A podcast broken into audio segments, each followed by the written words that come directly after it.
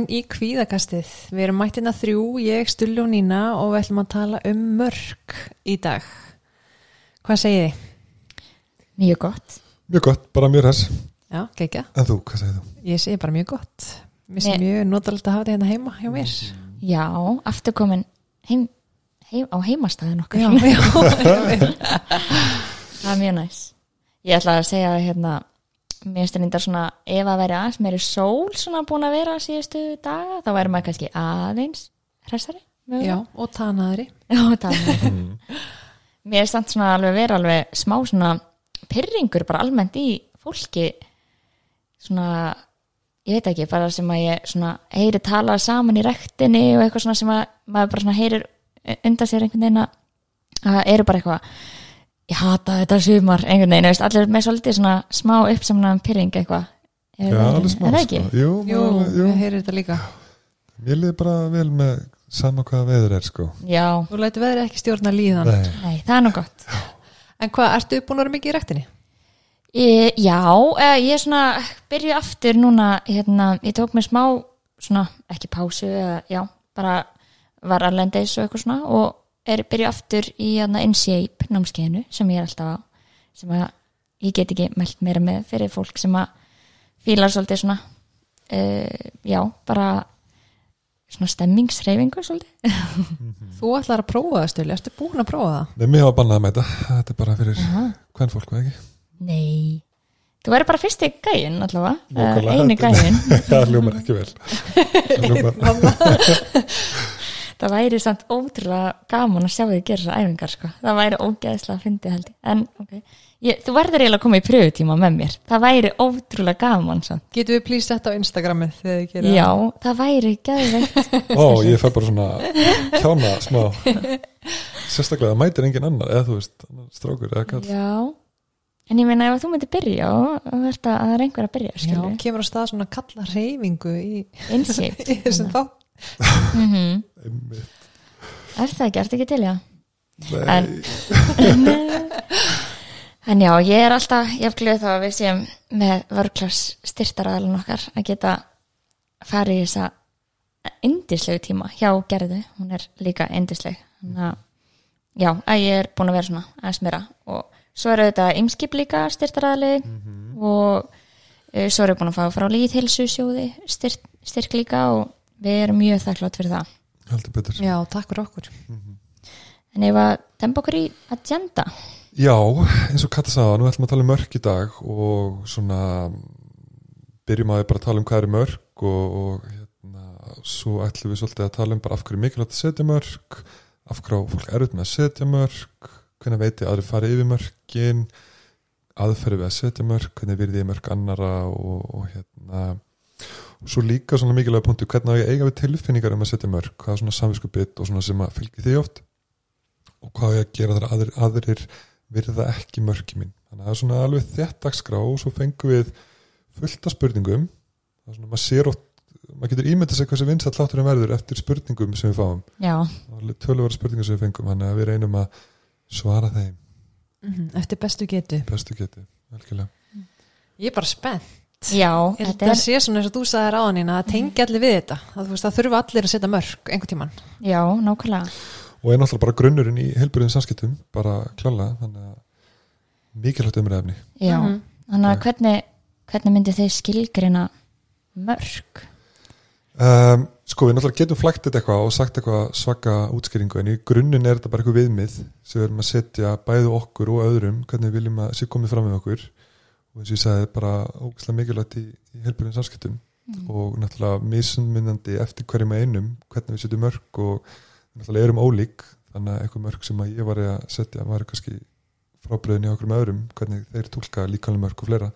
Þannig að við eftir að taka á eftir svona mismundi dæmi og eitthvað Já. Mm -hmm. Myndið þið tólka mörg eitthvað öðruvísi? Nei, mér finnst það bara mjög skýrt og góð útskýring. Já, mér finnst flott hvernig þú talar um bæði mitt mörg fyrir sjálfa mig en líka aðra.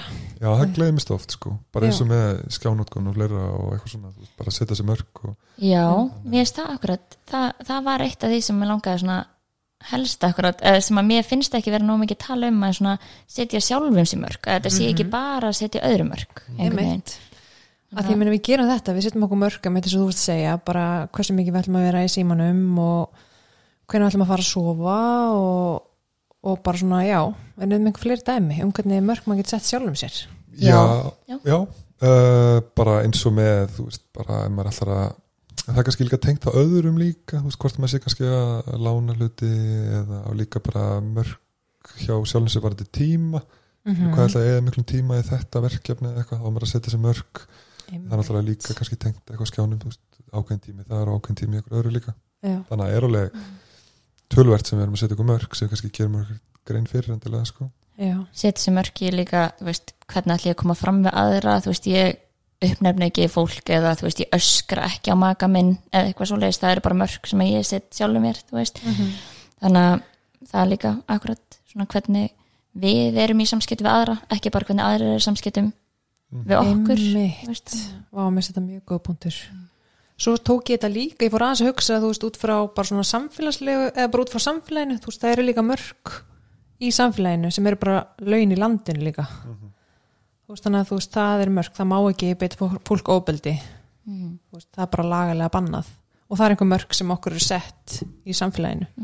Líka eins og bara lóðaskipti og svona, þú veist, þetta er bara við, þú, þú átt ekki að vera með þú veist, þína hluti á minni lóð -hmm. og það eru mörk, eða skilur við mig veist, að þetta er ótrúlega mikilvægt líka þegar við hugsum út í bara litla krakka, eða spönnin okkar. Við erum alltaf, alltaf reglur eru bara mörk, þú veist. Við erum að setja þeim mörk að þau get ekki borðað ís fimm sem á dag, alla daga eða eitthvað, skilur við, veist þannig að eða, mér finnst þetta að vera akkurat, þetta er svolítið svona þetta er rosalega mikilvæg partur af einhvern veginn bara lífinu alveg, að, að hérna já, að svona skoða, skoða bara hvernig já, hver, hver, hvernig mörkin eru hjá okkur. Já, og svo finnst mér svo bilaslega áhugavert þess að þú varst að tala um, þú veist, þetta er einstaklisbundið þannig að við öll þrjú erum kannski með ólík mörg en svo getur þetta líka breyst yfir tíma. Þú veist, þannig að ég er kannski ekki með sömu mörg og ég var þegar ég var með þegar ég var 17 ára. Og eins og þú veist segja Nína þú veist, við setjum börnunum okkar mörg og svo vaksa þau upp úr þeim og, og mörgin breytast með aldri. Já, já, það er alveg góða punktu líka að, þau breytast og glemir því alveg stundum að veist, maður er kannski vannur að knúsa eitthvað sem maður hittir eða eitthvað en svo kannski breytist það og maður er meira bara eitthvað eitthvað sælir eitthvað, veist, handaband. handaband og veist, þannig að það breytist. Og minnist einmitt á með börn sko að hérna það er alveg áhvert að hugsa það þannig að veist, við byrjum alveg sem bara lítil að setja mörg þú veist bara og þið kannist örgulega við bara hjá með börnum og svona bara eitthvað, já ég vil ekki knúsa þennan eða ég nenni ekki að kveðja þennan eða eitthvað. Og við sem fóreldrar erum alltaf bara eitthvað, jú og nú að knúsan takk fyrir gjöfina eða eitthvað svona. Og þá eru við, þú veist, þannig er börnum búin að setja eitthvað mörg en við sem fóreldrar erum eitthvað svona eitthvað, eitthvað jú, þú verður að gera það. Veist, þannig að veist, þarna hefur maður alveg áhugjör að þetta geti leitt, þú veist, þarna er kannski eitthvað svona smáæli dæmi en, en maður vill samt leifa börnum að setja mörg og maður verður að virða þig af því að þú veist, þá kannski þróast við setna meir og bara kunna þá ekki setja mörg og búast við því að þau verði ekki virt eða eitthvað svo leið, mm -hmm. Já, akkurat, þú veist, það er allt öðri að segja, þú veist, við þurfum að segja takk þegar einhver gefur okkur eitthvað, til dæmis. Það er bara svona almenn kurtið en ekki, já, þú þarft að knúsa þennan eða þarft að, þú veist já, gefa, gefa þetta dót frá þér eða þarft að, eða þú veist, ég veit ekki hvað það væri, skilur við mig, þú veist að kannski munur á þess að vera svona kurteysi og að vera að gera eitthvað sem að barni vill ekki, þú veist, En maður upplifir þetta sem svo smáægilegt skilju sem fóreldri, maður er bara eitthvað nú að knúsa afa, eitthvað svona hæ eða takk, eitthvað svona en, en þú veist, þarna er maður samt að fara yfir eitthvað mörg en maður er, þetta er svo, svo smáægilegt fyrir og maður pælar ekkert í því. Ég akkurat sem svona í, með svona sálfræðinga gleruðu mín þá svona þegar ég sé aðra þú veist, og þegar ég spotta bara sjálfa mig líka vera að gera þetta, það er maður alltaf svona ah, hva, eða þú veist, maður fær svona illt smá, þú veist, akkur má hún ekki bara ekki knúsa eða þú veist, eitthvað svona?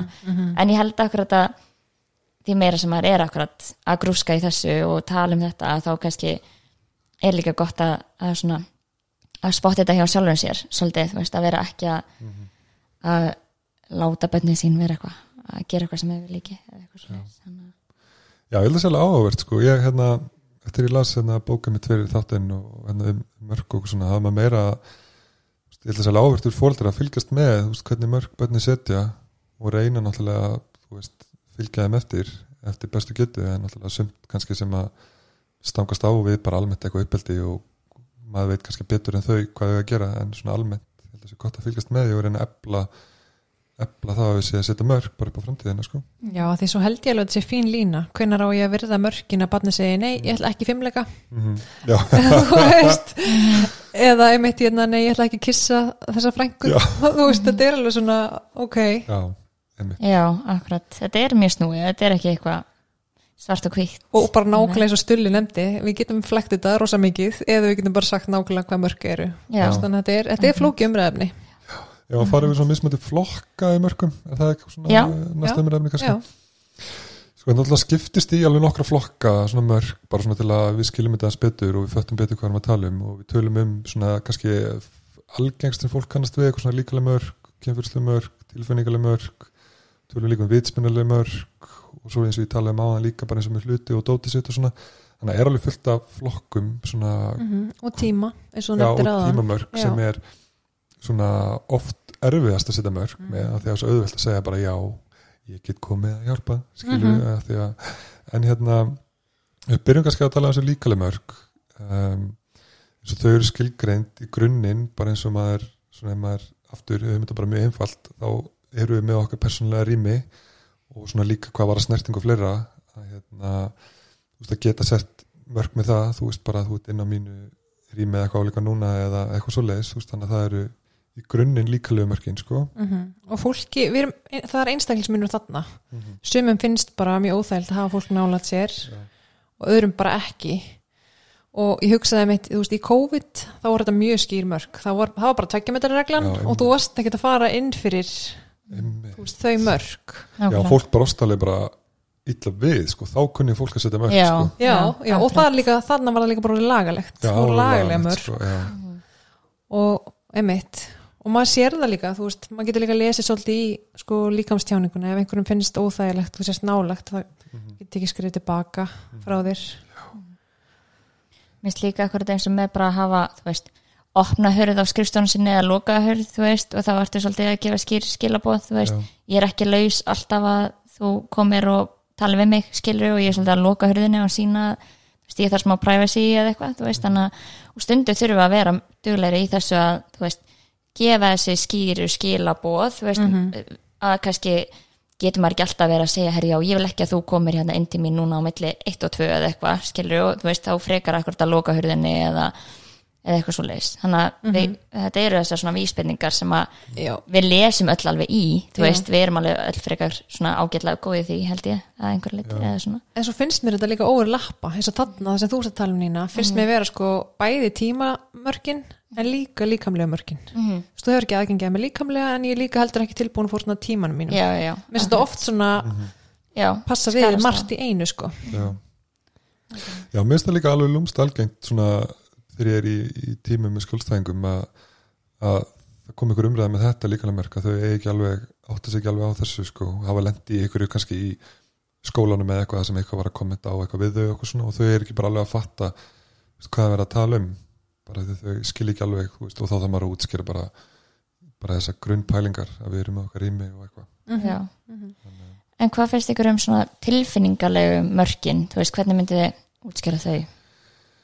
Já, í grunninn bara sko aftur einfaldan hátt, þú veist, við höfum allir rétt á okkar tilfinningum og líðan og hérna og svona aðal kannski óttinn þarna eða svona þegar fólk kannski gerir lítið úr manns upplöðun og tilfinningum, bara eitthvað svona já, þetta var nú ekki svona ræðilegt eða þú veist nú ekki ágjörð þessu eða eitthvað svona gerir lítið úr eða þú veist, þú þarft ekki að reyður við þessu ég meina, mm. lærðu nú að taka gríni.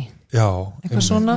Já, eitthvað, verður bara spenntið, við erum bara að gera eitthvað gaman skilur, en Mhm. maður er kannski actually kviðin eða eitthvað, hrættu við eitthvað skilur og hann er bara einmitt að þú veist, geta sett þessi tilfinninguleg mörg bara ég á rétt á mínum já, tilfinningum og allt þetta sko. Akkurat þegar Já. einhver segir bara þið líður svona, þú ert að Já. hugsa þetta bara, nei, nei, Já, það er ekki þannig. Akkurat. Og aftur mikilvægt eins og við vorum að tala með börnin áðan og fóreldrar, þetta er náttúrulega svona öruglega einn minn helsti ótt í uppeldinu ef maður svona gerir lítið úr tilfinningum bara barnana, þú veist, hvað það þróast í að þau byrja að efast um eins og við höfum talað örglum í ykkur mönnu þætti byrja að efast um hvernig þeim líður. Og þá þurfum við að, þú veist, að ráðfara sig við aðra skilur ég lendi í þessu ámýrilega svon eða hins einn og það er náttúrulega bara klálega ef við sem fóreldrar eða bara ykkur aðlar í nánir okkur að, að við svona erum að fara yfir þeirra tilfinningulega mörg sko. það getur alveg þróast á svona hættulegan máta sko. Akkurat. og líka akkurat, þú veist, fyrir eins og við tala um aðan að setja sjálfum sér mörg að vera ekki að bera ábyrgð á tilfinningum annara já, það er já, að, þú stór veist, pakki já, sko. að, að í rauninni ef einhver, einhver annar er pyrraður eða er svektur eða eitthvað veist, að það sé ekki þitt, þitt hlutverk að breyta þeim tilfinningum og að vera einhvern veginn að leysa leysa vandamálun hjá einstaklingnum eða eitthvað þannig og setja akkurat svona greina minna ok, mína tilfinningar er ekki þeirra tilfinningar og þú veist þessum, þessum hún ber ábyrðar úr sínum tilfinningum að vinna úr þeim svolítið og akkurat að þetta kemur kannski svolítið líka frá því að vera búin að vera að upplifa akkurat þetta þú veist, æ, þetta er ekki neitt og er, er sagt við mann sjálfan og þá kannski bregst maður þannig við svona sjálfkrafi aðra. Þannig að Já, ég held að þetta sé mjög algengt sko, því að bara ef maður hugsaður út í sambandi eða vinóttu sambandi með eitthvað sérstaklega út mann að vera vini lengi það er mjög algengt að þú veist, maður nota vini sína til að ranta smá og tala um hvað gengur ítli í sambandinu eða tala um bara að þetta er yfirmaðurinn er slæmur og bla bla. Og maður sem vinur á ekkert að þurfa að hlusta á þetta enda laust, það er alveg lægi kannski inn á milli, veist, þannig ég myndi alveg halda vini væri til þess en veist, maður á að geta sett mörg bara, heyrðu, og það talað um líka sko að kannski þægilegsta leiðin oft til að byrja með kannski að reyna að breyta með umræðefni frekar en að vera strax bara eitthvað heyrðu ég ætla nú ekki að tala við þig um þetta eitthvað en svona reyna að bara eitthvað, veist, reyna að leiðbina en þú veist, þú getur talað um þetta við einhvern annan skilur, Já, já. eitthvað svoleiðis akkurat að vera ekki einhvern veginn alltaf tilbúin að láta hrúa yfir sig einhverjum svona vandamálum. Þú veist, að maður sé ekki alltaf tilbúin í það.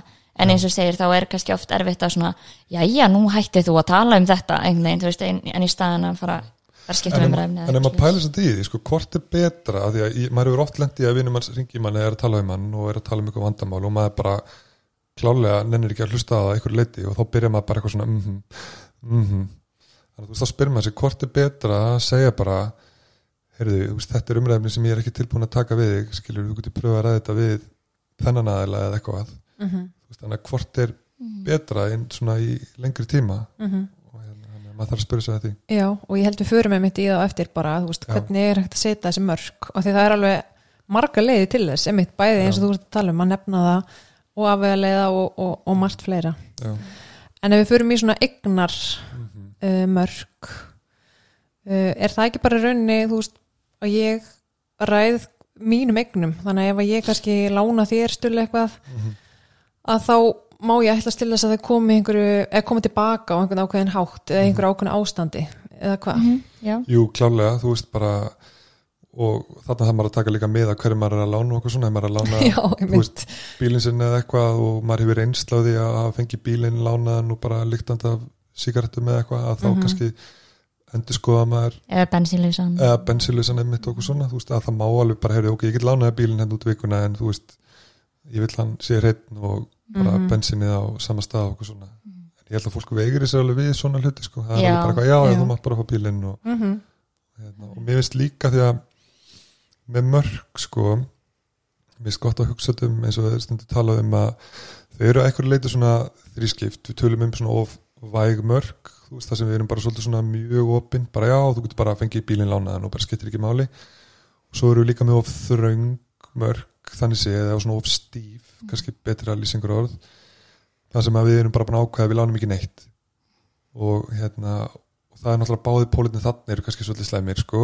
En svo væri heilbreðari kanturinn þarna frekar eitthvað að ég get lánaðar en í x tíma ég vil fá hann svona tilbaka og eitthvað álíka -hmm. og kannski bara ekki að lána akkurat ákveðna hluti en lána, já, veist, hlutir sem að veist, og það er fyrir hvern og einna fyrir sig að meta en akkurat, veist að þetta er mjög gott dæmi út af því að þetta er kannski svona óljósara í öðrum flokkum stundu eða svona, en þetta er mjög gott dæmi til þess að útskýra þetta við, það er ekkit endilega best að fara í bara, ég ætla ekki að lána neitt veginn, að það sé líka svolítið að- gefa öðrum skilabóð, herrið, hún er svolítið svona kannski lóku af einhvern veginn og er bara með sína hluti og er bara, þú veist og, og þá kannski mingar það svona uh, tækifæra á tengslum, þú veist, þetta er bara svona já, æ, hún lánaði mig þetta og það var ótrúlega næst, þú veist, ég fór akkurat til Erlendir sem daginn og vinkun mín lánaði mig kindul og mér fannst það bara ógeðslega gaman eða þú veist, geðveitt svona þú veist, mikilvægt eða svona og ég hérna, var mjög þakklátt fyrir það þú veist, þannig að er líka þessi svona tenging sem að maður fær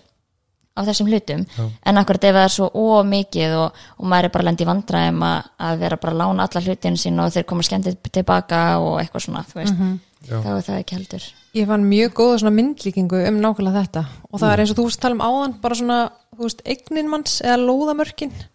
Að þá er rauninni bara, þú veist, eru lóð sem er ekki með neinum hérna, neinum grindverki.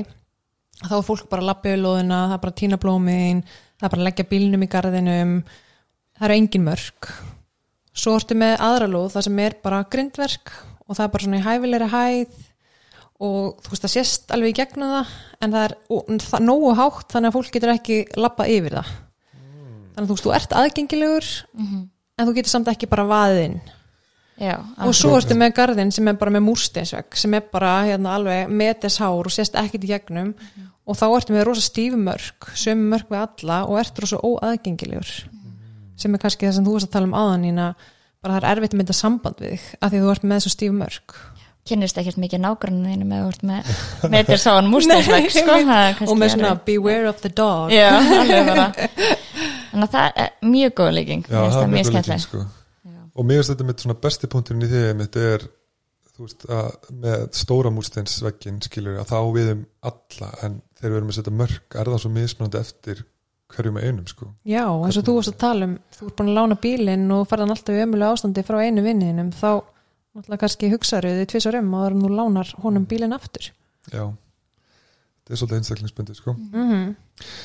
Herðu, við erum búin að tala um líkanlega og tilfinningalega svolítið um, og eignir. og eignamörk svolítið uh, tímamörk. Mm um, það virðist vera að það sé svona erfiðast fyrir fólk að setja tímamörk eða svona algengt eins og við myndist það svo á þann að, að hérna, það er bara erfitt að segja nei oft við að hjálpa. Já, velkomin eftir tókum, tókum smá pásu við erum hérna með lit, lítinn fjóra manna hérna, Katrín er að gefa honum hérna inn á milli. Já, þú veist að fá að drekka þannig að við stoppum útsendinguna. Þannig að þetta kemur Þessa, kannski smá- þessa beinu útsending En já, vorum að tala um tímamörk og, og, hérna, og ég var aðeins að byrja að tala um svona hvernig maður getur átt að segja á því hvort að maður sé með eitthvað svona skýr tímamörk. Og, og það var oft gott að mæla með því að fólk kannski svona skoði bara stundatöfluna sinna eða dagskrona sinna yfir vikuna og bara svona pinpointi bara hvað aðtapnir veitum ánægju og orku og hvaða hlutir ert að gera fyrir sjálfa því, hvaða hlutir ert að gera fyrir aðra.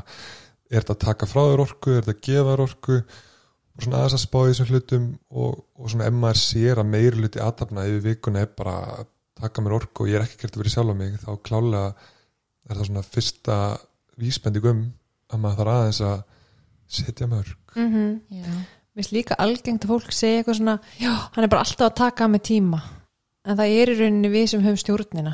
Það er við sem erum að gefa tíman frá okkur. Já, þannig að mér það líka svona ef eitt Já. völdin eru okkar. Algjörlega. Það að kíkja á dagskránu sína eins og þú ert nefna líka að að passa, taka eftir ef við erum með mikla gremju til annara fyrir að vera að stela okkur tíma að, að þá hafa í huga stjórnin er í raunin okkar. Já. hvernig eru þið að setja tímamörg? bara í lífinu. Já, bara í lífinu. Já, áhært um, Vá, ég ég bara veit ekki. Nei, sko ég er í fæðingarólu og mér Já. tíminn bara að vera endalaus. þú veist, þannig að ég er ekkert Mhm. Jú, ég held að, þú veist, auðvitað sem sálfræðingar þurfum við að svona kannski að passa ef einhver hefur samband við okkur utan tíma og kannski vill að við ringjum eða eitthvað svoleiðis að sé eitthvað sem er, þú veist, neðartilfelli eða eitthvað svoleiðis að annars þá þarf þar það að býða, þú veist, og hérna, kannski þannig að akkurat getur að beðið þangur til að við hittum næst eða, eða er þetta, þú veist, eitthvað svona sem að við þurfum að ræða núna, þú veist.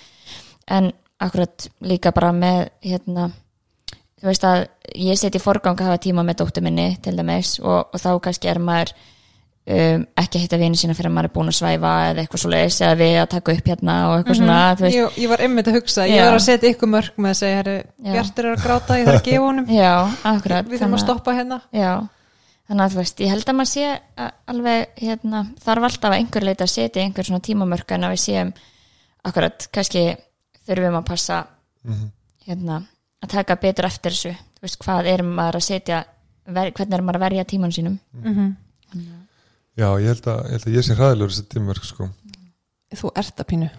Ég er ekki góður að setja tímamörg sko. Ég segi bara eiginlega já við öllu eða svona upplöfu ég. Og, hérna, Já. og svo fattaði ég að klukkan er orðin 11-12 og ég eftir að gera eitthvað vinnutótt fyrir daginn eða eitthvað morguninn og eitthvað hana, mm En finnst þér að vera svona finnst þér að hafa svona neikvæð áhrif á þig eða finnst þér þetta já, Já.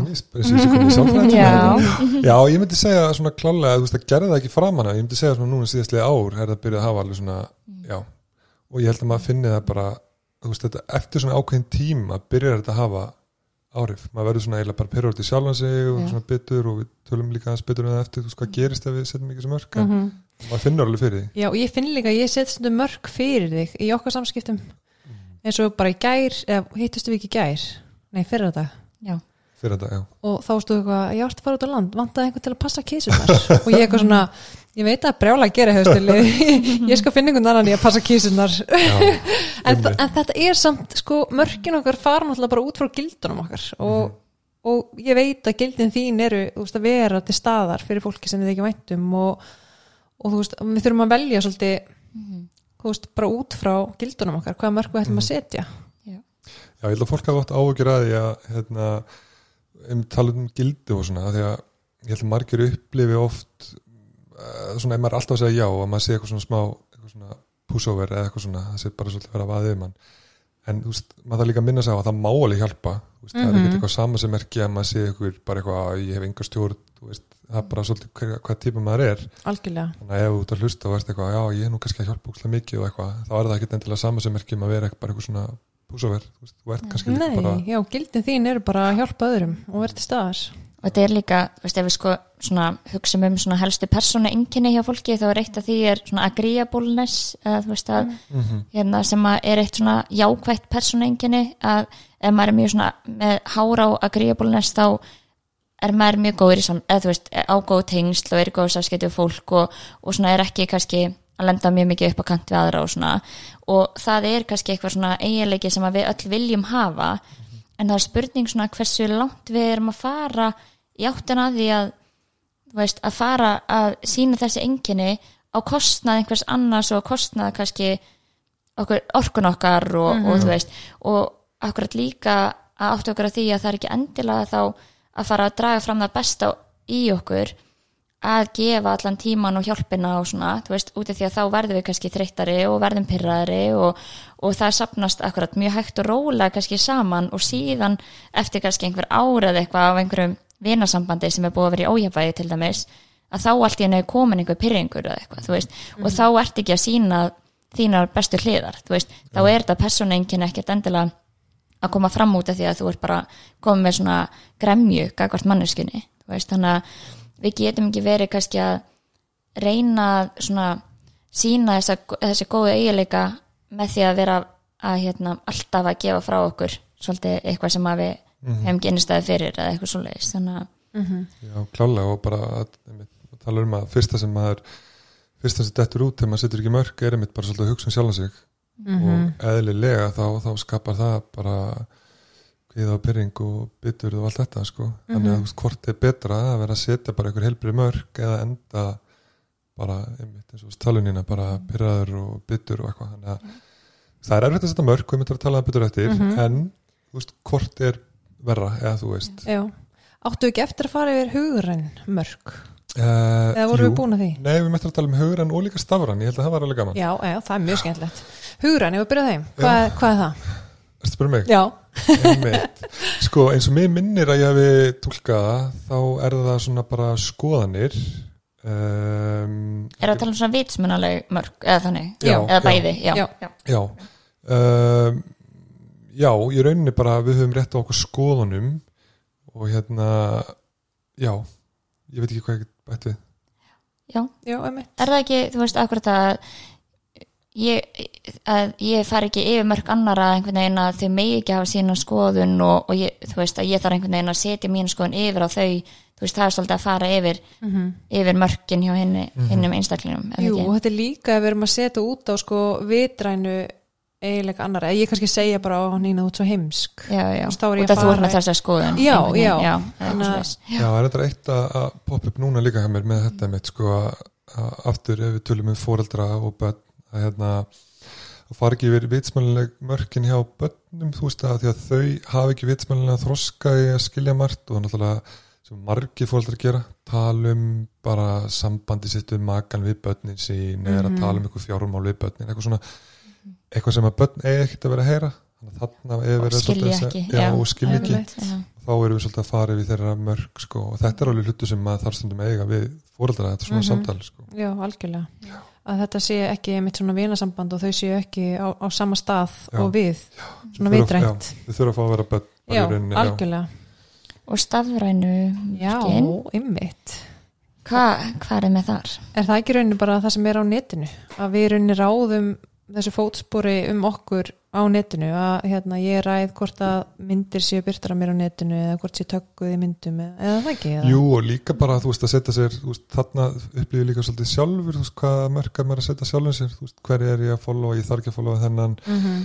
og líka bara hvað er ég miklum tíma eins og við tölum um áðan uh, hvaða upp er ég að nota þú veist þú bara pæla meir í skjáttímanum og eitthvað svona Mhm. loka ykkur um uppum og eitthvað þannig já, ég þú veist já, það er alveg ímislegt þar sko, sem Mhm. að er mikilvægt að hafa í huga Já, mér finnst alveg áhugert, ég var ekki búin að pæla í að þetta væri svona hluti af mörkunum hans Nei, þetta er nefnilega svo hjút eru þið með veist. stafræn mörg ef ég henda alltaf boltanum minna? Ég var undar að taka til hjá bara hverjum ég var að followa Mér varst ég var að followa svo ótrúlega mikið fólki sem ég þekkti ekki persónlega og bara svona influencerum og svo bara er maður líka oft komin í eitthvað svona taka þátt í einhverjum leikjum og er það bara að fylgja einhver fyrirtækjum til að taka þátt í einhverjum leikjum og nú er ég bara svona herðu, ég nenni ekki að vera með fítið mitt fullt af einhverju fólki og vörum sem að tengist mér ekki á mínum gildum. Þannig að nú ætla ég bara svolítið að reyna að hafa þetta persónlegt Já, þannig að það er eitthvað svona nýtt sem ég veit ekki hvort það sé að koma núna bara því ég var eitthvað spann og maður svona já, vill einhvern veginn minka ringin sinn. Já, ég, held að, ég held að maður eigi bara, ég held að flestir eigi að gera það sko. og ég tengi þetta líka þess að Nína var að tala um aðunum mitt ef að veist, fólk er að senda manni mögulega skjólstæðingar eitthvað einmitt þarna með mörg hverju maður svarar og Mhm. eitthvað svona Já. Akkurat. Einmitt. En ég var að fara í þá af hverju er mér langar Eh, að já. bæta einu við Já. Mhm. að, að þegar maður lendir kannski í áföllum að, að þá er að því nú er búin að fara yfir veist, alls konar tegundir af mörgum en eins og bara ef maður lendir í einhverju áfalli það sem er brotið á manni að þá er oft veist, verið að brjóta mikið af þessum tegundum af mörgum þú veist, það er ekki bara verið að brjóta mig líkamlega það er kannski líka verið að brjóta mig kynferðslega og tilfinningalega. Að því að svo kannski eftir að búið að brjóta á mér þá segi ég einhverjum frá því og einhver segi við mér að þetta var nú ekki svo ræðilegt að það var margir lendi verið en þetta. Og þá er aftur farið yfir mörki mín. Þannig að mér finnst það svona já, þetta er ekki jafn klipt og skóru við vorum kannski að fara yfir, þetta er Nei. oft bara svona einn atbyrður getur leitt til þess að öll þessi mörk eru brotin Já, ég held að sé alveg algengt að þetta sé yfirleitt fleiri en kannski eitt svona, já, fleiri en ein mörg mm -hmm. eða svona farið yfir fleiri sko já, einu. Já, einmitt. En síðan var næsti punktur í okkur, hvernig eru mörg mismunandi eftir hópum eða aðstæðum? Um, eins og til dæmis að munur á fjölskyldu og vinum og svo leist og það var eins og um, Instagram spurningarna sem við fengum var svolítið kannski tengt svona þessu hver, hvernig mismunandi aðilar hvernig er erfitt kannski að setja sömu mörg og uh, svona erfiðara heldur en öðrum Mm um, já, þannig að hvað segja með það? Sko eins og ég horfa á það um, þá náttúrulega bara aftur eins og maður tala um mismunandi eftir hverju meinum og allt það og allt það en já, en sko ég reyna að koma sér frá mér á skýran hátt en ég held að sé bara ef maður hugsa um þetta bara í sambandi eða vinasambandi, í, í kjærstu sambandi eða vinasambandi bara svolítið maður þarf að spyrja oft hvað vil maður fá út úr sambandinu eða samskiptunum veist, hvað er gott samband veist, eru með sem er gildi og allt þetta, svona þess að pæla í þessum grunnatriðum og svolítið móta mörkin út úr því og auðvitað er þetta mismunandi eftir hvort maður er með vinnufélaga eða vini eða í sambandi þannig að þau eru náttúrulega bara svolítið breytilegt í því og við erum náttúrulega mismunandi þarna hvað við þú veist, hvaða skoðun við höfum á þessum hlutum. Þannig að ég myndi alltaf segja bara svolítið bara ef við tölum við vináttur einmitt, bara hvað er góð vinátta, hvað er slæm vinátta að hugsa þessum þetta og svolítið reyna að móta eitthvað með mörkin út frá því ef þið eru að skilja hvað er að reyna að fara. Já, algjörlega. Mér finnst allavega svona kannski persónlega erfiðast að setja fjölskyldumörk. Þú veist, ef maður hugsa um sambönd að þá er svona fyrsta sambandi sem maður á við einhvern er við mann sjálfan og svo við fjölskyldunum sína og svo við vini og svo við hérna, mynda maður samband. Og með fjölskyldu þá er dýnamíkin búin að vera svo ótrúlega lengi í gangi. Þetta er svo rótgróið og maður er kannski orðin 30 ára og maður, maður á 30 ára samband við fjölskyldu. Þannig að það er oft kannski eitthvað erfitt að breyta því yfir nóttu. Það tekur tíma að breyta því og sérstaklega kannski fyrst með margir tala um að það sé erfitt að breyta dýnamík og setja mörg við tengda fjölskyldu þá getur maður líka ímynda sér það búið að vera einhver dýnamík í gangi í tengda fjölskyldunni í 30 ár svo kemur maður inn og, og það breytist allt með komið þinni inn í þessa fjölskyldu. Þannig að það er líka svona ok, þú þarfst að setja þeim mörg en þú þarfst líka aðlast þeirra lífi þetta er ótrúlega Já. snúið að koma inn í fjölskyldu og að breyta dýnamík sem er búið að vera í gangi mörg ár innan fjölskyldu Akkurat og líka út af því að manni líður svona eins og að fóreldra mann séu bara einhvern veginn bara alheimurinn manns og þú veist eins og allt sem að þau gera og þú veist er bara það sem á að gera og hvernig þau haga sér og hvað það, þau mega að gera allt einhvern veginn þú veist, maður sé, þú veist, þegar maður er kannski yngra á þá er maður auðvitað ekki að setja fóldra sínum mörg og þau eru að setja mann sjálfur mörg þú veist, og síðan þegar einhvern veginn að breyta því yfir að maður sjálfur er að setja fóldra sínum mörg er mjög er oft mjög fyrðulegt mm veist, og mann finnst það einhvern veginn svolítið maður fær samviskupið og eitthvað svolítið sem að maður þarf að spyrja sig á það rétt á sér? Er þetta eitthvað sem að mér myndi finnast bara eðlileg beðni þú veist ef að vinkon mér myndi segja til dæmis við mig að já ég ætla þú veist er að beða mín að vera ekki kannski að vera ekki full í kringum mig eða barnið mitt eða eitthvað svoleiðis skilur þú veist. Til dæmis það, ef að það bara já það verður bara mjög sjálfsög, beðni þá akkurat ok, samvegskupið á kannski ekki mikið rétt á sér, þú veist þótt að það sé bara mjög skiljanlegt eða líðu þannig en er, er greinilega eitthvað sem að þú veist, þarf að, þarf að gerast fyrir þig, þú veist, þannig að akkurat, ég held að það sé alltaf svona skrítið að setja þessum aðalum mörg svolítið, fjölskyldunum sinni. Já, og líka því þú sagði Nína að þau eru vun að setja þér mörg já, svo allt í náða einhvern veginn að fara að breytast og snúast Já. við. Og svo er það líka bara þannig að væntingamanns breytast yfir tíma, þú veist, ég finn alveg að núna þegar ég er á móðir, ég hef aðra væntingar til mömmu og pappa heldur en ég hafði áður. Bara hvernig þau eru sem afa, afi og amma. Þú veist, og þau eru með einhverja væntingar um ömmu og afa hlutverkið og svo þurfum við að ræða það og setja mörg varandi barni mitt. Þú veist, hvernig þessi dýnamík er bara eiga sér stað. Nákvæmlega, það getur verið mjög mjög snúið, eða þú veist og, og, og skrítið Já, sérstaklega ef að væntingarnar eru ólíkar og. Mhm. stangast kannski á að þá getur það verið flókið Já, ég held að þetta sé líka svona hluti sem að fólk ræði ekkert eitthvað svona einmitt eitthvað við mömmu og pappa eitthvað já, nú er þetta badd komið og við erum að setja ykkur mörg Nú er fjölskyldufundur, við erum að ræða hérna að væntingar okkar og mörg og við gerum líka alltaf bara ráð fyrir og það er svona helstu mér eða svona, það er svona helstu místöki sem við gerum, við höldum alltaf að fólk geti lesið hugsanir. Og það er svona einn helst ástæðan fyrir að við gleymum stundum að setja mörg að því við höldum bara ef ég er eitthvað smá fúll núna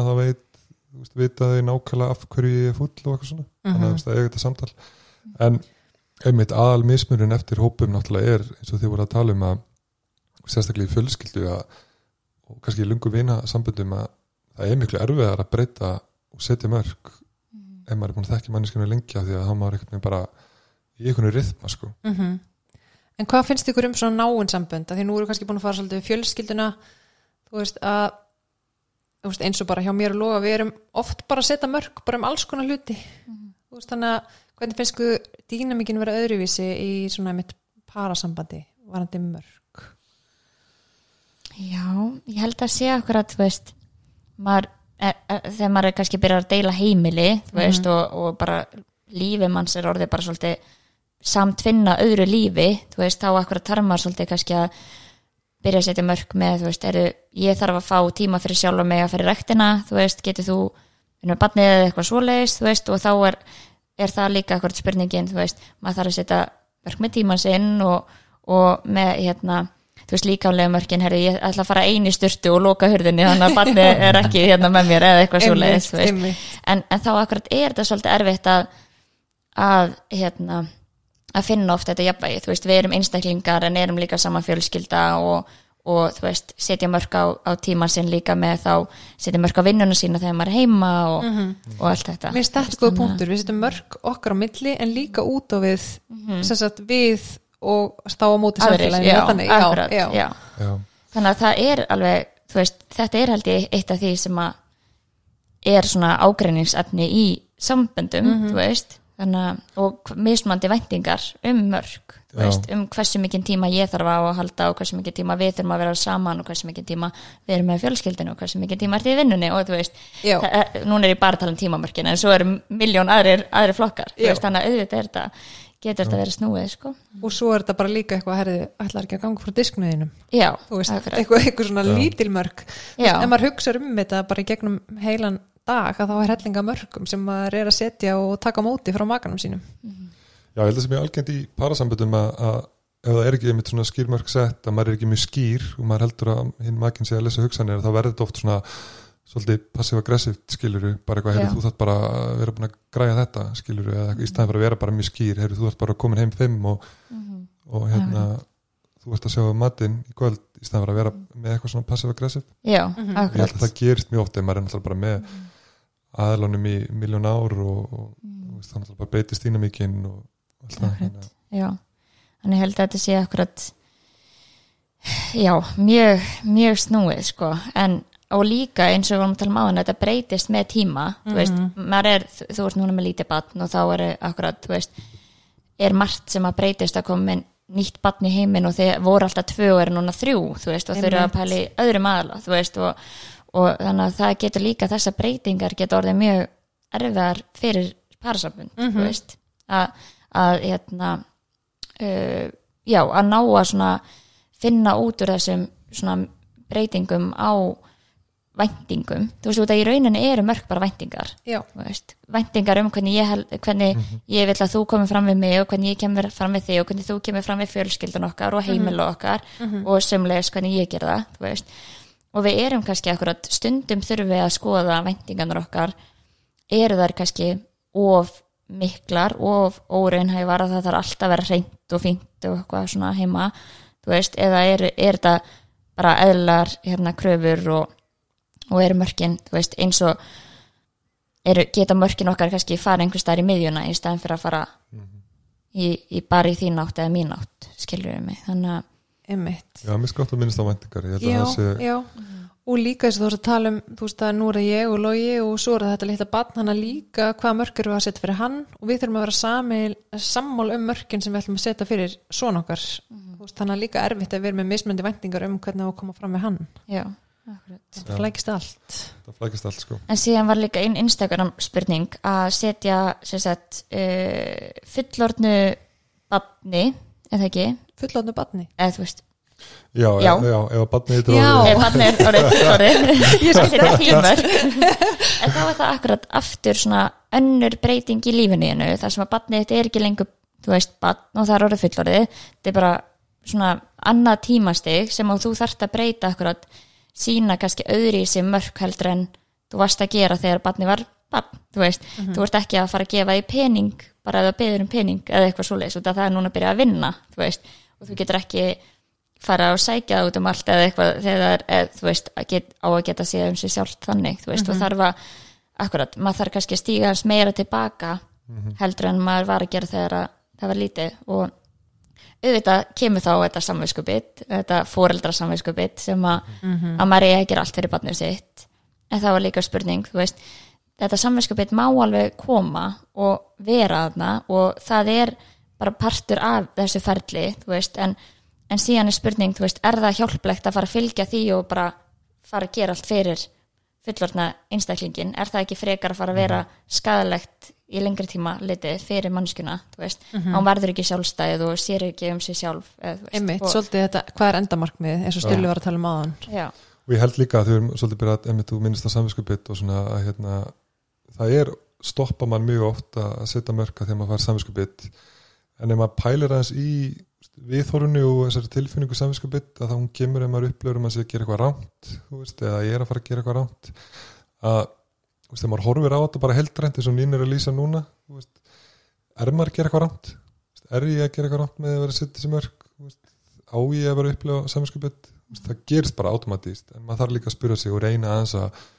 svolítið endur fór þetta upp á nýtt og segja þetta við bara ok, ég er að fara samskupið en er ég að gera eitthvað rámt mér finnst líka gott eins og Nína var að segja áðan einmitt, þú veist, ef að einhver annar væri að gera það sama þú veist, hvað myndi mér þá finnast um það? Já, þú veist, er ekki bara einmitt eðlu hluti, Já. hlutir að gera? Já, Já.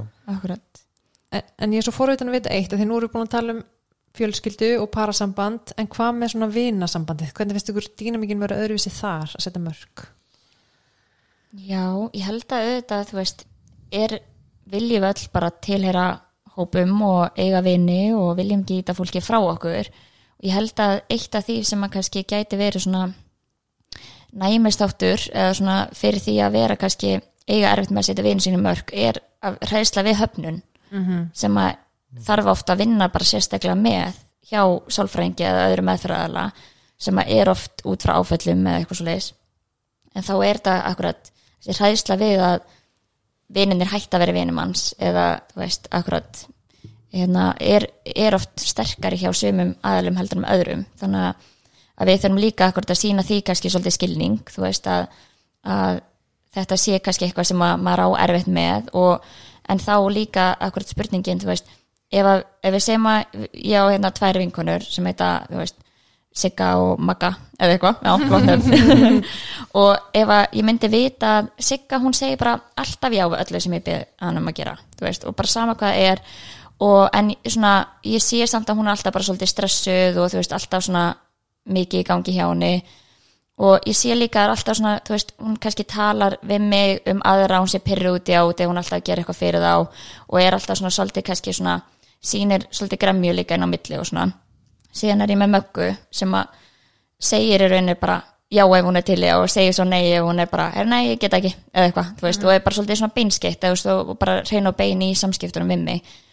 Þú veist, hv- hvor ef ég væri að fara að leita til annar þeirra um að hjálpa mér að flytja eitthvað sliðis, hvort liði mér betur með að, með að spurja þú veist, og hvor, hvor sambandi svona trist ég meira á að samskiptin séu bara akkurat reyn og bein og það sé ekki eitthvað pyrringur sem mun skapast eða eitthvað, ég myndi frekar spyrja möggu eða ekki, þú veist? Og það, það sambandi er þá líklega kannski til þess að, að þróast í að vera bara akkurat hreinskilu samband þar sem að veit hvar manneskjan stendur og, og er ekki þessi svona uppsapna einhver pyrringur sem að, veist, þannig að, að þá, þá er spurningin, þú veist, er alltaf það besta fyrir vinasambandið að vera ekki með mörkin, þú veist, er það í raun og veru að fara að láta fólk vera að, að þú veist, að halda því í góðum tengslum við aðra, eða er það kannski mögulega bara að fara að hafa verri áhrif á samböndin? Nei, ég held að maður kunni alltaf að meta þegar fólk er bara mjög opinskátt og beint með hlutina bara nei, herri, ég bara því miður eða eitthvað svona skilur, sé bara reynd og beint með það sko. Já, og ég finn líka að fólk sem gera það við mig, ég og auðveldara með að vera bara eins á móti og, og vera svona einhvern veginn ákveðnari með mín mörg ef annað fólk er ákveðið með sín mörg Já, það er bara einhvern veginn svona örugt rými. Ég bara Já. verði þín mörg og þú mín og við vitum að við erum ekkit endilega að að gera hluti sem við viljum ekki gera fyrir hvort annað. Já, akkurat. Ég man svo verið þegar ég var að byrja að vinna á litlu kveðmjöfstöðinni Já, og ég var alltaf komin til köttu eitthvað böggana með eitthvað mál og eitthvað og einu sinni kemur hann eitthvað svona eða örgulega reglulega samt, eitthvað svona já, ég hef fimm mínútur. Eða þú getur talað um fimm í dagi fimm mínútur. Ó, góð tímamörk hjá minni. Já, og ég var alveg bara þá er ég nýbyrjar að vinna og ég hef búin að vera unni á ríkinu í eitthvað tíma og ég var náttúrulega bara vanur að geta bara blara endalaust og eitthvað svona.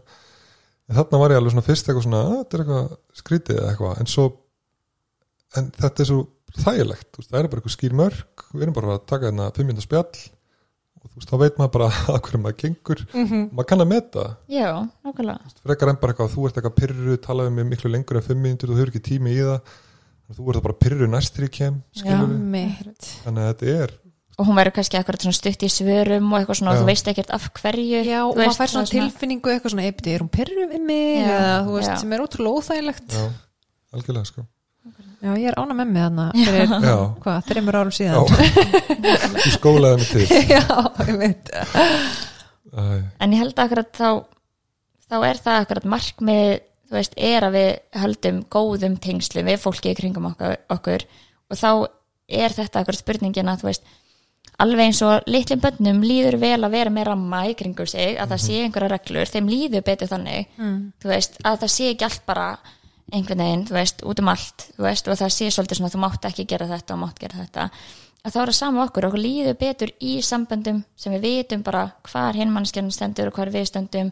Og hún segir ef það er eitthvað sem er ángrana og, og síðan er bara annars er bara allt í góðu þú veist, þannig að, að þá er það svona akkurat Já. örgulega betri strategía myndi Já, algjörlega og bara fyrir mann sjálfan þú veist, maður er í rauninni að fara á móti sjálfan sér með að gera eitthvað sem maður vill ekki gera og, og við værum ég væri að eðalega sambandi okkur stulli ef ég væri bara alltaf að segja já við hann og hann væri alltaf að ringja, "Herri, má ég koma, má ég koma að chilla? Eða, þú veist, getur við fara á rúndin eða eitthvað. Og við værum bara alltaf að hanga saman en mér langaði bara að vera heima með loga og bjarti.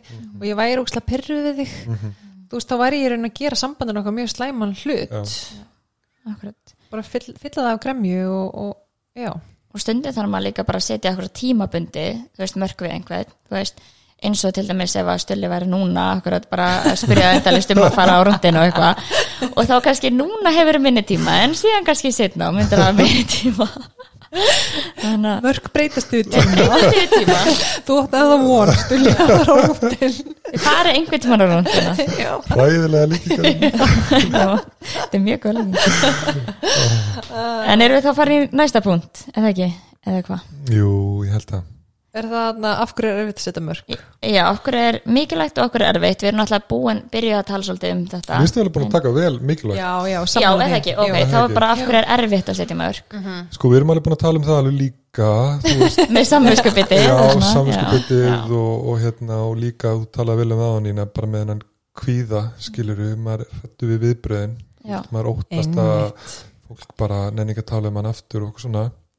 Já, aftur og svona líka hræðsla við svona ágreining Mér finnst Já. það líka. Já, en þannig þarf maður að minna sig á að Já. hugsanir eru ekki við Einmitt. ekki fyrir en að við höfum reynd á þannig að já, og ég held líka bara að stundum er þetta erfið samtöl og þau er að fara að vera erfið og útkoman er að fara að vera leðileg og einhver mun koma særður út úr því. Og það er bara erfitt að eiga erfið samtöl og maður er að hugsa hvernig öðrum myndi líða. Og þess vegna er erfitt ef ég veit að ég er að fara að segja eitthvað í stölu og ég veit að hún mun sárna og, og en, en ég ætla samt að gera það þegar það er mín mörg að þá er náttúrulega erfitt að gera það og já, Já, akkurat, þannig að og þá þarf maður stundum að fyrir svona erfið samtöl að undibúa sig svolítið, hvað maður ætlar að segja og þú veist, hvernig viltamörkin séu og segja þá nákvæmlega hvað, hvernig þú, hérna, hvað þú vilt að breytist og allt þetta, en, en akkurat þú veist, ég held að engum finnst eitthvað rosalega skemmtilegt að taka þessi spjöll sko, en, en fyrir sambandið til þess að verði betra, þú veist þá þarf að taka þessi spjöll þú veist, ef, að, ef að það er eitthvað sem að er ekki að ganga þú veist, þannig að já, og það er líka algengt að einmitt að því að við erum svo hrætt við viðbröðin hjá öðrum að við berjum að eitthvað svona afsaka okkur og eitthvað.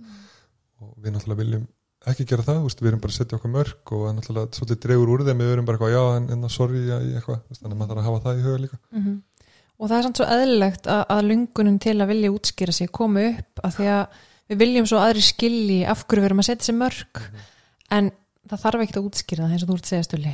Af því að ef við fyrum að útskýra af hverju við erum að setja sér mörg þá erum við raun að bjóða upp og það verið farið enn frekar yfir mörgin okkar. Kannski til, tilfinningalegu mörgin með að segja Herri, þetta er nú ekki alveg svona taktu nú gríni eða, já, eða reynd að finna einhverja lausnir á, á vandamálinu eða ástæðanum fyrir því að við erum að setja sér mörg þannig að, já, mér finnst mjög góða punktur stuli að, vera ekki að útskýra. En það er alveg stundum talað um og getur alveg verið gaglegt að maður takir stundum alveg, kannski maður er ekki vanur að setja mörg eða eitthvað mögulega útskýra af hverju maður er, þú veist, þetta er kannski langt vinasamband, þá er alveg kannski eðlilegt að þú veist, af hverju er þetta að koma allt í einu núna mm -hmm. þá er alveg lagi að koma með einhverju útskýringu en svo kannski, kannski ekki beint einhverju afsökun líka það er meira kannski að já. já, Já. kannski ef að dýnamíkin okkar er, ef við erum búin að vera vinir í 20 ár og það er eitthvað búið að vera í gangi sem er búið að pyrra mig í 20 ár og svo loksins já, ákveðið setja mörg og þá er kannski gott að eiga Já. gott samtal um það já, Já.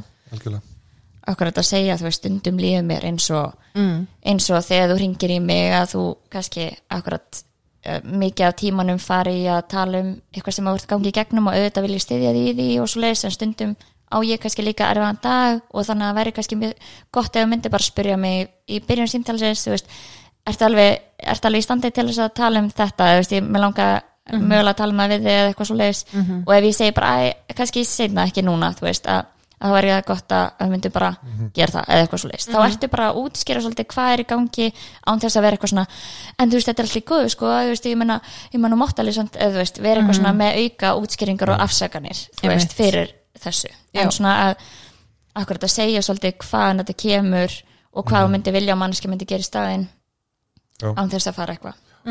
Sammála því En svo held ég sér líka bara mikilvægt fyrir hvern og einn að setjast niður og hugsa býtu af hverju er erfitt fyrir mig að setja mörg af því að þetta kemur einhvers staðar frá. Það er hellinga tólum og tækjum sem við erum að tala um hér núna sem hægt er að nota til þess að setja mörg en það er líka alveg hjálplegt að, setjast niður með fagaðal og vera bara að býta af hverju ég er erfitt með að setja mörg Já. er þetta úr uppeldinu eða er þetta tengt einhverjum áföllum sem ég hef gengið í gegnum? Svo þetta kemur einhvers staðar frá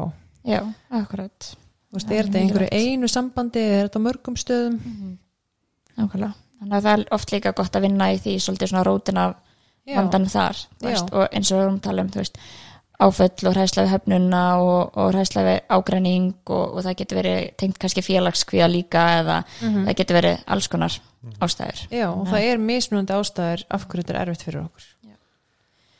Um, Já uh, ef að fara í hvenna veit ég að aðrir fara yfir Já, já, Eða ekki? gerum það Hvenar veit ég, nei, tjók, hendur sá okkur, hvenar veit ég að aðrir fara yfir mörki mín?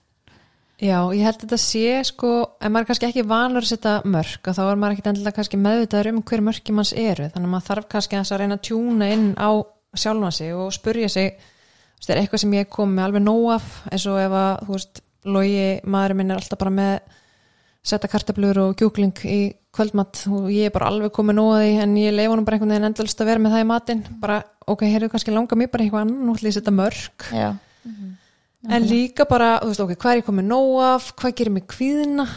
Líka, er eitthvað ákveðið fólk eða einhver ákveðna aðstæður þar sem að ég bara svona ó, ég upplifi bara óþægindi þú veist, að hitta þennan vinn minn. Um, líka eins og við vorum að tala um áðan er einhver svona gremja í samskiptum er ég alltaf ókslega gröm við stulla og þegar ég er búin að hitta hana þá bara baktali hann ótrúlega mikið við manni minn. Út af rúndunum já, að því ég er aldrei heima því ég er alltaf á rúndinu með stulla. Er En, já, einmitt, kvíði, gremja, hver er komið nóg af, svolítið bara svona að reyna að veita þessum hlutum aðtegli til að átta sig á hver mörkin eru, er þetta með eitthvað meira? Já, ég tók hans úr hérna þetta bók sem ég las svona tjekklista svona til að spotta maður sem er óheilbrið mörg og er það ekki svona sem ég þess að við erum að tala um? Jú, bara, jú. endilega. Sko, ef við bara rætt yfir hann. Þú veist, maður er ekki að hugsa um sjálfan sig. Maður er semst að svolítið fórna því til hliðar. Maður er svolítið overvelmt, ég veit ekki hvað er íslensk orðið við það. Yfir, bara yfir allt þeim yfir þeir myndi svolítið hjá manni. Þessi löngun til að flýja frá skildum sínum. Að hún kemur upp. Þessi bituleiki sem við talað mikið um. Það er að forða samskipti við aðra. Um, burnout. Um, maður er svo sem er að hjálpa en fær ekki hjálp sjálfur. Maður getur ekki sagt nei maður er auðvitað með að leifa öðrum að hjálpa sér maður er svolítið að bjarga öðrum og maður er svolítið að lána bara hluti og svona þannig að þarna ef maður er mikið að tikka þarna inn bara á mörgum sögum þá svona getur maður ímyndað sér að maður sé með óheilbrið mörg á mörgum sögum sko. og mér er svo lýsandi mér er svona mest lýsandi ef maður er með svo löngun að flýja frá skildum sínum og forast samskipti veist, mér er það svo lýsandi fyrir að maður er óheilbrið mörg þetta er orðið bara mikið, bituleikin og pyrringur orðið bara það mikið til að maður bara eitthvað svona meikar ekki meir og þá bara eitthvað meginn bara slekka maður í símanum og maður kannski bara hættir að forgangsara eitthvað í vinnunni og maður bara eitthvað meginn svona Þannig ég held að það sé mjög lýsandi oft. Já, Mhm. akkurat. Og þá akkurat eins og talum á hana maður er kannski akkurat að gera rosa mikið fyrir vinnu sinna og allt þetta til þess að vera í góðum tengslum og síðan ertu bara, er, ég get ekki tala við, get ekki hitt og bara slökka og er, er það einangraði Já. þú veist, er það þá virkilega eitthvað sem að er að virka fyrir þig, þú veist, og virka fyrir að halda þessum vinuðinum eða skilur um mig, þú veist og þá, já, Já, þannig að þetta hafði maður að spyrja þú veist, vill ég upplifa eitthvað smá samvinskupið eða eitthvað smá kvíða við þetta samtal eða vill ég bara fara í þessa forðun og þannig að þú veist Já. að þegar maður veit eins og Katta tala um aðan að þetta eru erfið samtöl Mm. en maður þarf að spyrja sig hvort er betra. Mm En síðan er spurning út að akkurat að næsti punktur er þessar aðferði við að setja mörg að kannski þurfum við ekki alltaf að taka spjall eins og vorum að tala um áðan veist, Einmitt.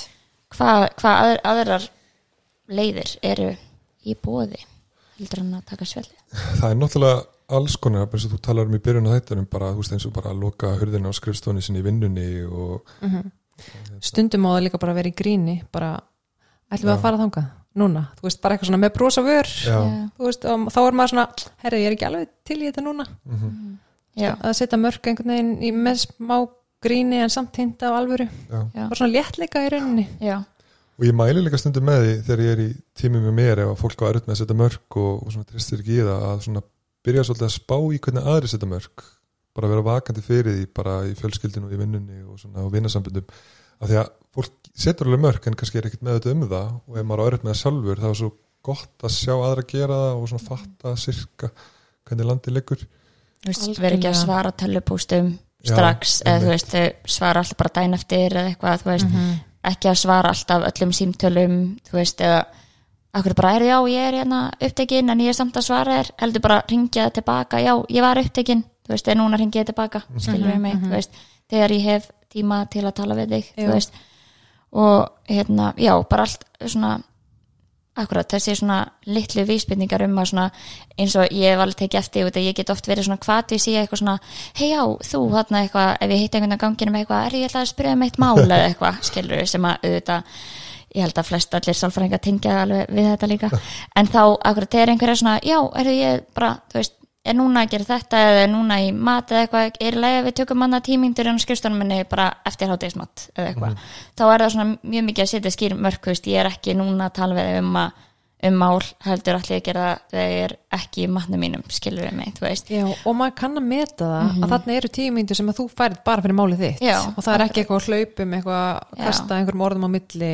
þú Já. færð bara þegar hann hefur tíma til að gefa þér Já, tíma og þá akkurat læri maður sjálfur, þú veist, maður gerir þetta svo mikið þegar maður nemi, út af því að maður var ekki búin að læra sér mörg og núna ger maður þetta ekki, þú veist, og út af því að þetta er svo, svo skýra mörg hjá nánast flestum öllum sálfræðingum að maður er ekki í hátíðismat kannski að fara yfir eitthvað, þú veist, nema að sé eitthvað sem að þarf að gerast þá, eða eitthvað svo leiðist, þannig að En mér finnst ein góð aðferð að, að það er eitt að segja mörg þú veist að ég get sagt hérna ég vil ekki að ringi mig en svo þarf ég að fylgja þeim eftir með hegðun. Já, þannig að þegar stulli byrja síðan að ringja til að bjóða mér á rúndin að þá svara ég bara ekkert að því ég er búin að byggja hann um að vera ekki að ringja skilji hvað ég við? Já. þannig að það þurfa að vera afleðingar við hegðuninni mm. sest, afleðingar við heg, mörkunum sem ég er að setja. Já, já, akkurat. Þá getur ekki bara setti og síðan bara ekkert fara eftir þeim í rauninni Nei, þá mun fólk ekki verið að þau af því að þau skipta engum máli og þú sýnir það með hegðuninni þinni að þau skipta engum máli já, ég held að sé alveg mikilvægt og annars svona dæmi sem að er einmitt svolítið skýrt, þú veist, ef að vinum hans kemur í heimsókn og maður myndi segja við, heyrðu, þú getur ringt næst þú kemur eitthvað, -hmm, mm -hmm. en svo kannski kemur hún er ekki bara að ringja, þú veist, að það er svolítið brútal að segja, en bara eitthvað svona ekki opna eða eitthvað en þú veist, það, það, það þurfa sem ég að vera eitthvað afleðingar, Einmitt, bara hér ég er upptekinn núna. Já. Bara ég get ekki fengið þannig að já, klála, ég held að já, það er alveg mikilvægt, það verður, maður verður að geta fyllt þeim eftir. Mm þannig að, og svo veist mér líka, ok, ef, ef maður er einhvern veginn að byrja, þú veist að setja mörg og hefur ekkert verið að setja mörg áður að byrja kannski smátt, byrja á því að setja mörg við einhverja mannesku sem að þú ert ekki daglega í samskipti við og þetta eru kannski mörg sem að skipta þig persónulega kannski ekkit miklu máli. Spara þú ert á söpvei og byrjum papriku á bátiðin en það sett gúrka, bara herðið þess til að leiðir þetta, já, þú veist, bara svona lítil mörg Mhm. um, um þannig hluti og svo getur maður einhvern veginn svona að fara að prófa sig áfram við hluti sem að kannski skipta mann meira máli, við mannesku sem skipta mann meira máli. Að það er alveg eðlilegt að maður þurfa að æfa sig. Akkurat. og líka akkurat að vera með um að fólk getur alveg bröðist ekkert frábærlega við og það sé líka bara allir lagi. Veist að það getur alveg komið einhver svona viðbröð hjá manneski sem er ekki kannski vöndi að fá fá mörg, skilur við mig þú veist, sem eru bara eitthvað eins og þú ert líka búin að taka dæmi um eitthvað já ok, vá, getur ekki tekið gríni og eitthvað svona, skilur við, þú veist. Og, og þá við ekki líka lá, halda það að viðbröð annara sé einhvern veginn að svara því hvort þú átt rétt á þessu mörgum eða ekki. Ég er langar bara að segja amen Já. þessu. þetta, já, nei, þetta er bara svo ótrúlega mikilvægt þannig að segja þetta aftur að, að viðbröð annara er ekki svar við því hvort að mörki þín voru rétt eða ekki eða eðlilega eða ekki, skilur við, þú veist, út af því í rauninni þú ert að setja mörk líka ástæðu þannig að þá er manneskja búin að vera að fara yfir mörkin að, og þetta kemur þeim í rauninni ekki við, þetta er í rauninni bara þú, já, já, þín líðan þú veist, og hvað þér finnst þína væntingar fyrir þitt líf en ekki fyrir Þannig að mér finnst þetta bara efni í kvót þessi setning, það var það ógislega flott. Og það er þá líka gott að vera aðalinn hinum megin ef ykkur að setja manni mörg Mm. að hafa í huga, þú veist, það er ekki persónulegt. Þú veist, þetta snýst bara um manneskjuna sem er að setja mörg já, þannig að Og þessi svo- mjög grund bara líkil, líkil þáttur, ja, já, emmitt og svo þarf maður líka að hafa í huga þegar maður er einhvern veginn að setja mörg að maður þarf að segja þau, maður þarf að fylgja þau eftir með höfðunni sinni, maður þarf líka að búa til rými fyrir fólk til að bregðast við og, og virða mörki manns. Og svo þarf maður líka að hafa í huga ef þú er kannski búin að vera í sambandi eða þú veist átt samband með einhverjum í 30 ár og það er alltaf sama dýnamíkin svo setur þú einhver mörg að þarf kannski að nefna það oftar en einu sinu oftar en tvisvar til þess að mannskjan átti sig á nýju mörkunum og þessari nýju dýnamík sem er eiga sér staði í samskiptunum ykkar. Þannig að endurtekning, endurtekning, endurtekning. Já, nákvæmlega akkurat, og það sé ekki endilega að manneskja sé ekki að hlusta eða eitthvað heldur er bara akkurat að meðteka þetta og er að breyta hegðunum sinni og það tekur tíma að breyta hegðunum sinni Já, þetta er bara gamall vani. Og, og mér finnst ég mitt oft kannski í meðferðartíma að fá einhvern timmin og bara er ég bara búin að segja þetta við hana. Og maður svona, já, hversu oft? Þú veist, að það þarf að segja hlutin oftar en einu sinni. Já, sérstaklega ef þetta er rótgróið Akkurat, eða þú veist líka ef að við erum bara öll hérna lítil börn greinlega út af því að veist, við þurfum að heyra hlutina oft og það þarf líka að vera afleggingar, þú veist, við þurfum að, eða skilur mig, þú veist, ef þú myndir við eitthvað, við bara segja já ekki, þú veist, klifra á sófanum eða eitthvað, það er ekki bara að fara að hlusta á það einu sinni og svo bara aldrei að gera það aftur, þú veist, við þurfum alveg að endurtaka það og, og það þurfa að vera afleggingar, mm -hmm. núna getur það ekki leikið og með þannan heila, sama heilan og, Við erum og öll litlu börnin, stór sko. börn. En þannig að líka ekki, já, passa kannski að vera ekki að taka því allt á persónulega ef að fólk er ekki bara strax að breyta öllu eða svona sem að byður um. Einmitt. já. Um, hvernig virði ég mörk annara mér finnst það líka akkurat við erum ekki búin að kannski tala mjög mikið um mörkin sem að maður er að setja við sjálfan sig þú veist, að ég er að setja kannski mér mörk með akkurat skjátíma minn og ég er að setja mörk með tíma minn og ég er að gera allt þetta.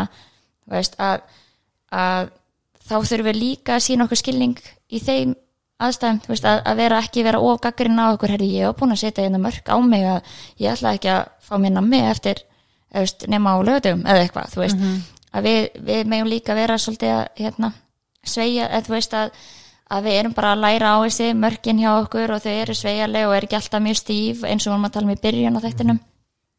En líka að verða mörk annara er líka auðvitað æfing eins og ég sem nemi að pota í sálfræðingana, skilur Pota, veist, já. er það, hérna, eitthvað? Veist, þá auðvitað það tók alveg tvö, þrjú skipti og svona fyrir mig að fatta, já, ok, þú veist ég þarf að passa mig á þessu og akkurat að að sjá bara, þú veist, að lesa í þessar vísbendingar og hlusta á fólk og þegar að, þú veist, akkurat ég get ekki ekki samt ef að það, mitt mál eða eitthvað er mjög mikilvægt þá get ég samt ekki sagt að hinn manneskjar eigi að taka frá sér tíma til þess að, að, að eh, tala við mig eða eitthvað svo leis þannig að akkurat þetta er líka bara æfing. Mhm. en akkurat að reyna að lesa í þessar vísbendingar virða, virða þessar, þú veist, að það sé loku hurð og, Já. og allt þetta. Mér finnst svo gott sem þú ert að tala um þessar vísbendingar að því að það tengist líka auðvitað viljum við ekki að við séum bara stanslust einhvern veginn í einhverjum hugsanalestra ég myndi okkur hvað fólk er að hugsa en það er þessar litla vísbendingar eins og hurðin er lokuð og þá vil ég ekki að þessi trubluð en ég var líka að hugsa um þetta þú veist hvernig verður við mörg hjá fólki eða sérst sem að getur ekki tala, þá er ég að tala um börn. Þú veist börn sem get ekki tjáð sig eða dýr, þá þurfum við líka svolítið að lesa í vísbendingarnar. Ef ég er bara einhvern veginn að klappa einhverjum ketti og hann er bara komið greipinu upp að þá er það mörg sem hann er að setja mér. Þú veist, honum finnst það óþægilegt, hann þetta ekki hann leipur í burtu. Þú veist, þá ætti ég ekki að fara eldan þú veist, og eins með lítil börn sem að halla sér frá þú veist, frá manni eða, eða já, við þurfum svolítið svona einhvern veginn að lesa í látbræð dýra og batna sem að, og bara einstaklinga sem get ekki tjáð sér sjálfur og sett sín einn mörg út af föllun eða einhver slíku Já, ég held bara, og mér finnst ég alveg búin að fara vel yfir þetta en svona mín upplifun er veist, svona mikilvægast að ef maður að verða mörg annara og ef, ef ykkur ég held að sé nefnilega svo auðvelt ef ykkur að setja manni mörg að ég held að sé svo auðvelt að móðgast en bara eins og við erum búin að tala um nokkur sinnum að þú veist, maður þarf að held ég bara að læra og venjast því að taka það ekki persónulega og ég held að þá gerir hlutina mjög auðveldari sko. mm -hmm. algjörlega. Um, en hvað er að gera þegar aðrir virða ekki mörkin manns? Já, það er, þetta er nefnilega það er mjög erfitt og leiðilegt þegar Já. maður finnur að maður er endurtekið búin að vera að setja mörg og manneskjan er, virði það ekki.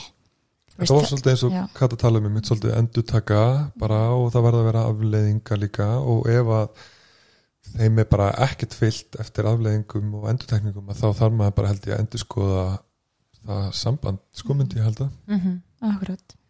Já, ég held að þetta sé einhvern veginn þannig að þú veist, við getum ekki breytt fólki en við getum beðið þau um breytingu í þeirra hegðun.